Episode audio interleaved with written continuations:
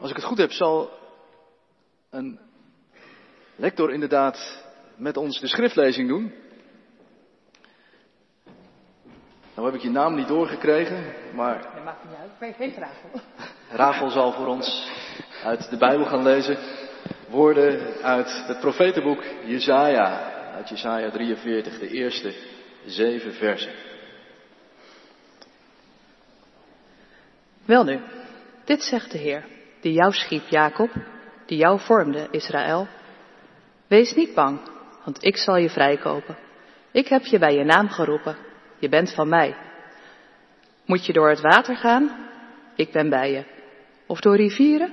Je wordt niet meegesleurd. Moet je door het vuur gaan? Het zal je niet verteren. De vlammen zullen je niet verschroeien. Want ik, de Heer, ben je God, de Heilige van Israël, je redder. Voor jou geef ik Egypte als losgeld. Nubië en Seba ruil ik in tegen jou. Je bent zo kostbaar in mijn ogen, zo waardevol, en ik houd zoveel van je, dat ik de mensheid geef in ruil voor jou. Ja, alle volken om jou te behouden. Wees niet bang, want ik ben bij je. Ik haal je nakomelingen uit het oosten terug. Uit het westen breng ik jullie bijeen. Tegen het noorden zeg ik, geef hier. Het zuiden gebied ik, laat los. Breng mijn zonen terug van verre, mijn dochters van de einden der aarde. Alle over wie mijn naam is uitgeroepen en die ik omwille van mijn majesteit geschapen heb, gemaakt en gevormd. Dit is het woord van God.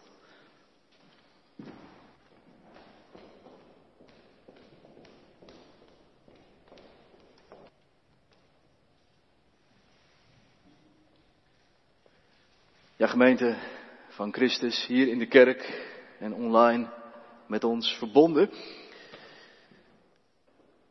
Het was juf Ank, je weet wel, die van de luizenmoeder, die in 2019 een nieuw woord aan onze taal toevoegde. Namelijk het begrip curlingouders. En curling, hè, dat, dat is die sport, Olympische sport ook, die ze op het ijs doen. Waarbij ze, met van die zware granieten stenen schijven over een baan op het ijs schuiven. Waarbij ze dan ook flink met een bezempje zo voor die zware schijven uitvegen. Om die dan zo dicht mogelijk bij wat dan in het jargon heet het huis te krijgen. En nou ben ik hier vanmorgen gekomen vanuit Zoetermeer. Ik woon daar nog pas net. Maar ik ontdekte prompt van de week dat we daar in Zoetermeer ook de, de enige officiële curlingbaan van Nederland hebben. Nou ja, dat is maar dat u het weet. En ja, wat zijn nou curlingouders, hè? En misschien heb je zelf al wel even de lijn doorgetrokken. Curlingouders, dat zijn van die ouders die net als bij curling, bij die sport, alle oneffenheden wegpoetsen op de weg van hun kinderen. Die oneffenheden ook het liefst helemaal willen voorkomen. En daar ook heel erg druk mee zijn. Om zo de weg vrij te maken voor hun kinderen richting een hele glansrijke en succesvolle toekomst. Ja, of je curlingouders zitten vanmorgen. Of jij er zo een bent, achter het scherm op de bank met je kroost. Zou maar zo kunnen. Ik had het de afgelopen dagen een paar keer over met mijn vrouw. Zijn wij nou curlingouders? Is er nog weer uh, een van de kinderen met een vriendinnetje weggebracht naar de bios? Ja. Ze kunnen ook op de fiets. Dan ga je ze toch weer brengen met de auto. En wij zeiden tegen elkaar, wij zijn toch wel een klein beetje curlingouders. Misschien wel meer dan we voor waar willen hebben. Want ja, ach, je wilt toch ook wel een, een beetje een, een makkelijke, gebaande weg voor je kind, voor je kinderen. Met het liefst zo weinig mogelijk hobbels en hindernissen.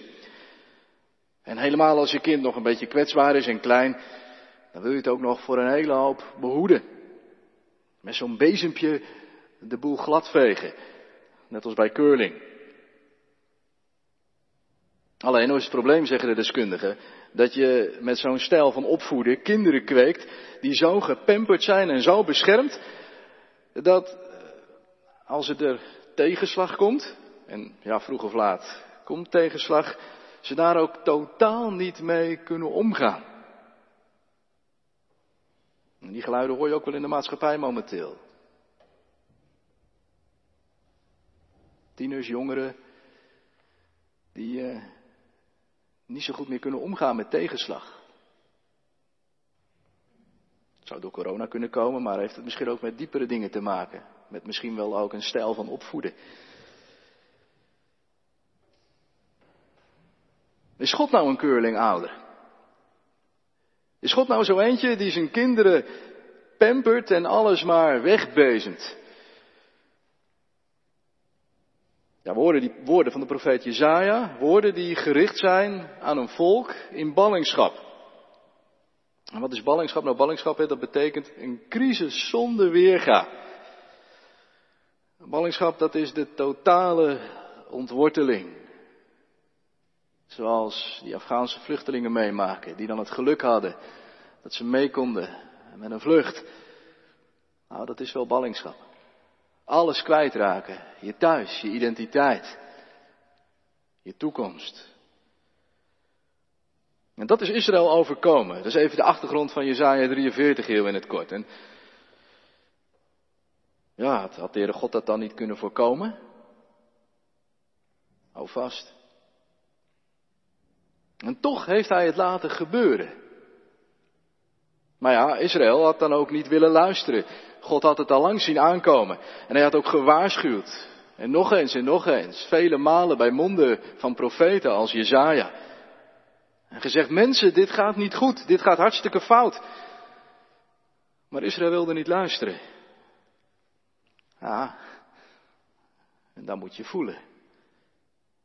Dat zeggen wij ook wel eens, toch? Je kunt zeven keer tegen ze zeggen, je moet je kniebeschermers omdoen en je elleboogbeschermers. Maar als je kind die achtste keer dan toch weer gaat skileren en zonder die dingen en, en, en dan thuiskomt met kapotte knieën. Tja. Nee, niet dat je je kind graag ziet vallen natuurlijk. Integendeel. Maar soms is tegenslag wel de allerbeste les. Leven is geen curlingbaan. Misschien komen we daar ook weer een beetje achter. Tijdens deze maar voortdurende crisis. Het leven is geen curlingbaan. En God is ook geen curlinggod. En Israël weet daar alles van.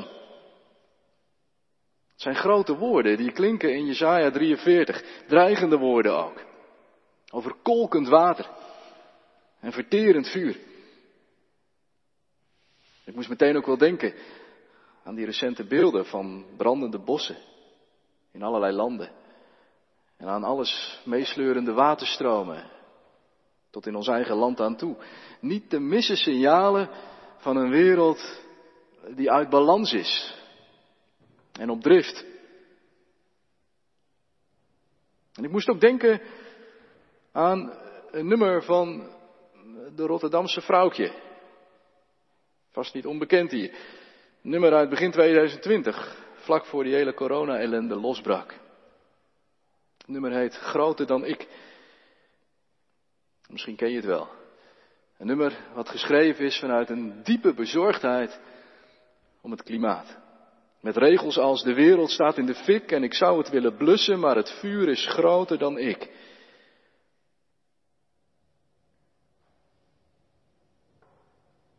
Ja, dat is onze wereld. En misschien deel je wel die bezorgdheid. Dan denk je ook wel eens, wat, wat voor toekomst heb ik nog? Nou klinken er niet alleen dreigende woorden in hoofdstuk 43. Ik hoor daar ook hele geruststellende woorden. Ja, er is water en ja, er is vuur en soms moet je daar ook dwars doorheen. Maar als dat moet, zegt de Heere God, moet je door het water gaan, ik ben bij je. En moet je door het vuur, het zal je niet verteren. Ja, dat klinkt bemoedigend. Maar de vraag is wel, zijn ze waar, die woorden? En doen ze in geval van nood ook echt wat die woorden beloven? Of is het net als bij veel politici vandaag de dag? Met al hun grote woorden en beloftes over nieuwe politiek en nieuw leiderschap. Nou is God geen politicus. De beste niet te nagekomen natuurlijk. Zoals God ook geen keurlingader is. Nee, God is God. Moet je door het water? Ik ben bij je. En moet je door het vuur? Je zult niet verbranden. Want ik, de Heere, je God, de Heilige van Israël, ik ben je heiland. Ik ben je redder. Ik ben jouw God.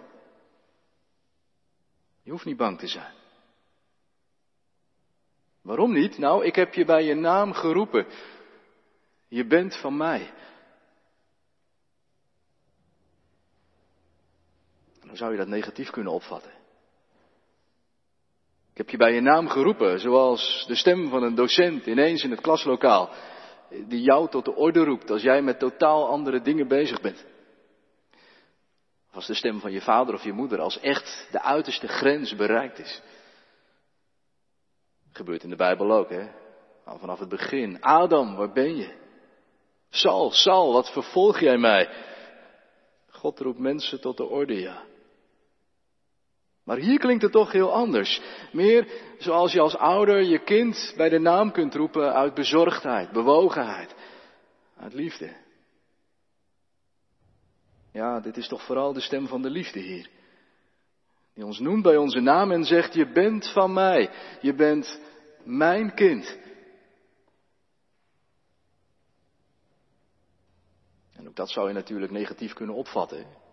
Bezitterig. Van die ouders die hun kind claimen als hun bezit. Beknellend en verstikkend. Zo ongezond. Kan niet. Zo kun je niet met je kinderen omgaan. Nou zegt God hier ook zoiets. En is dat dan niet bezitterig? Je bent van mij. Zeg nou zelf, dat klinkt toch best wel claimend. En dat in een tijd waarin we meer dan ooit autonoom en onafhankelijk willen zijn. Ik ben van mezelf en van niemand anders. Maar wat is nou het spannende en ook wel het tegendraadse van dit woord uit Jezaja, dat daarin vanmorgen tegen ons gezegd wordt, je bent niet van jezelf. En je bent niet je eigen bezit. En je voelt wel dat wringt. Want dat gaat dwars in tegen onze intuïties en ideeën. Maar als je er iets langer over nadenkt, is het juist ongelooflijk bevrijdend. Want als ik mijn eigen bezit ben, en mijn eigen succes, als ik als het erop aankomt mezelf moet redden, ja, dan moet ik dus ook wel alleen door het water en het vuur. Alleen door alles waar je als mens aan stuk kunt gaan. Aan de dood, maar ook wel aan het leven. Aan alle rottigheid en kwaad. Aan het duister. Ook in jezelf. Dat destructieve.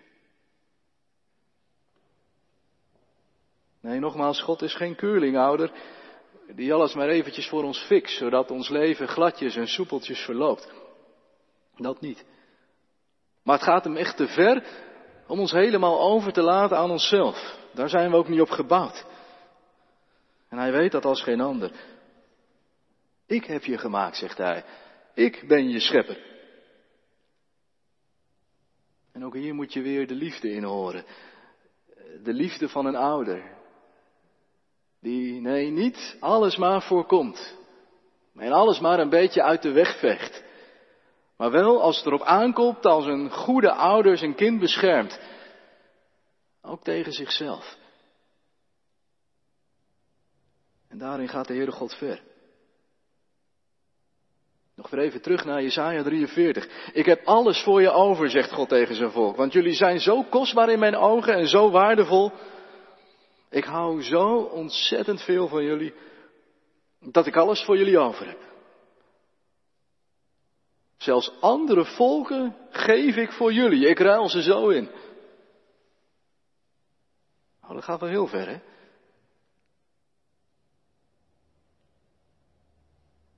Maar weet je,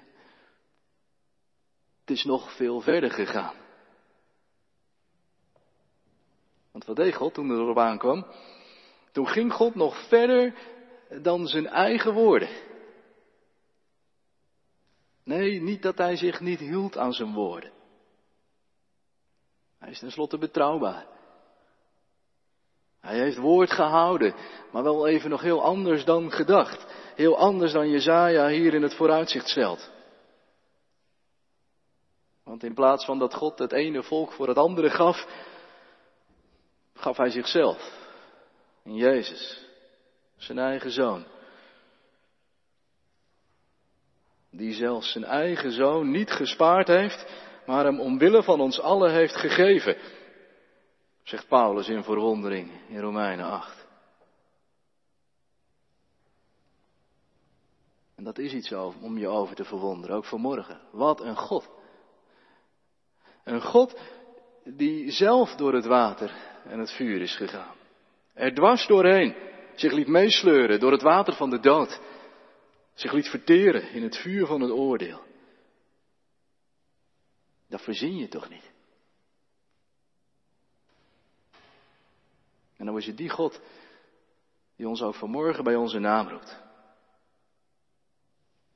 Zo waar we ook in zijn naam gedoopt zijn.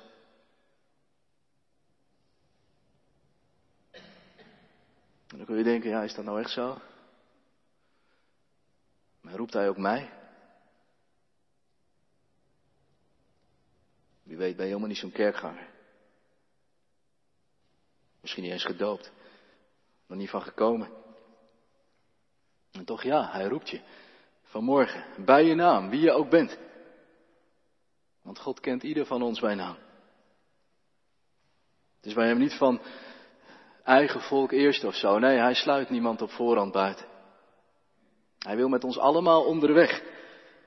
Op een weg, nee, nogmaals, een weg die geen curlingbaan is, dat niet. Het is eerder een weg die onzeker is en onbestemd. Maar Paulus die weet daar ook alles van.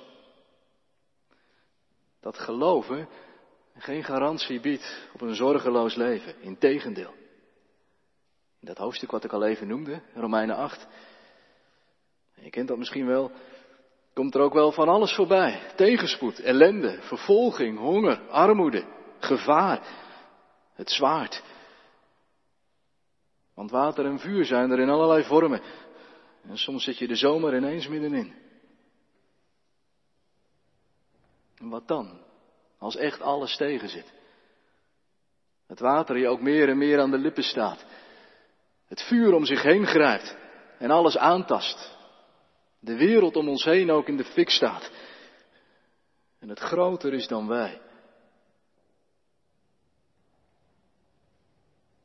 Juist dan mogen, nee beter moeten wij God ook aan zijn belofte houden.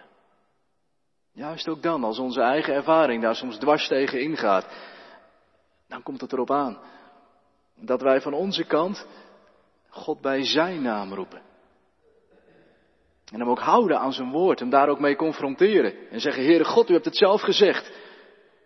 U hebt me bij mijn naam geroepen. En ik ben toch van u.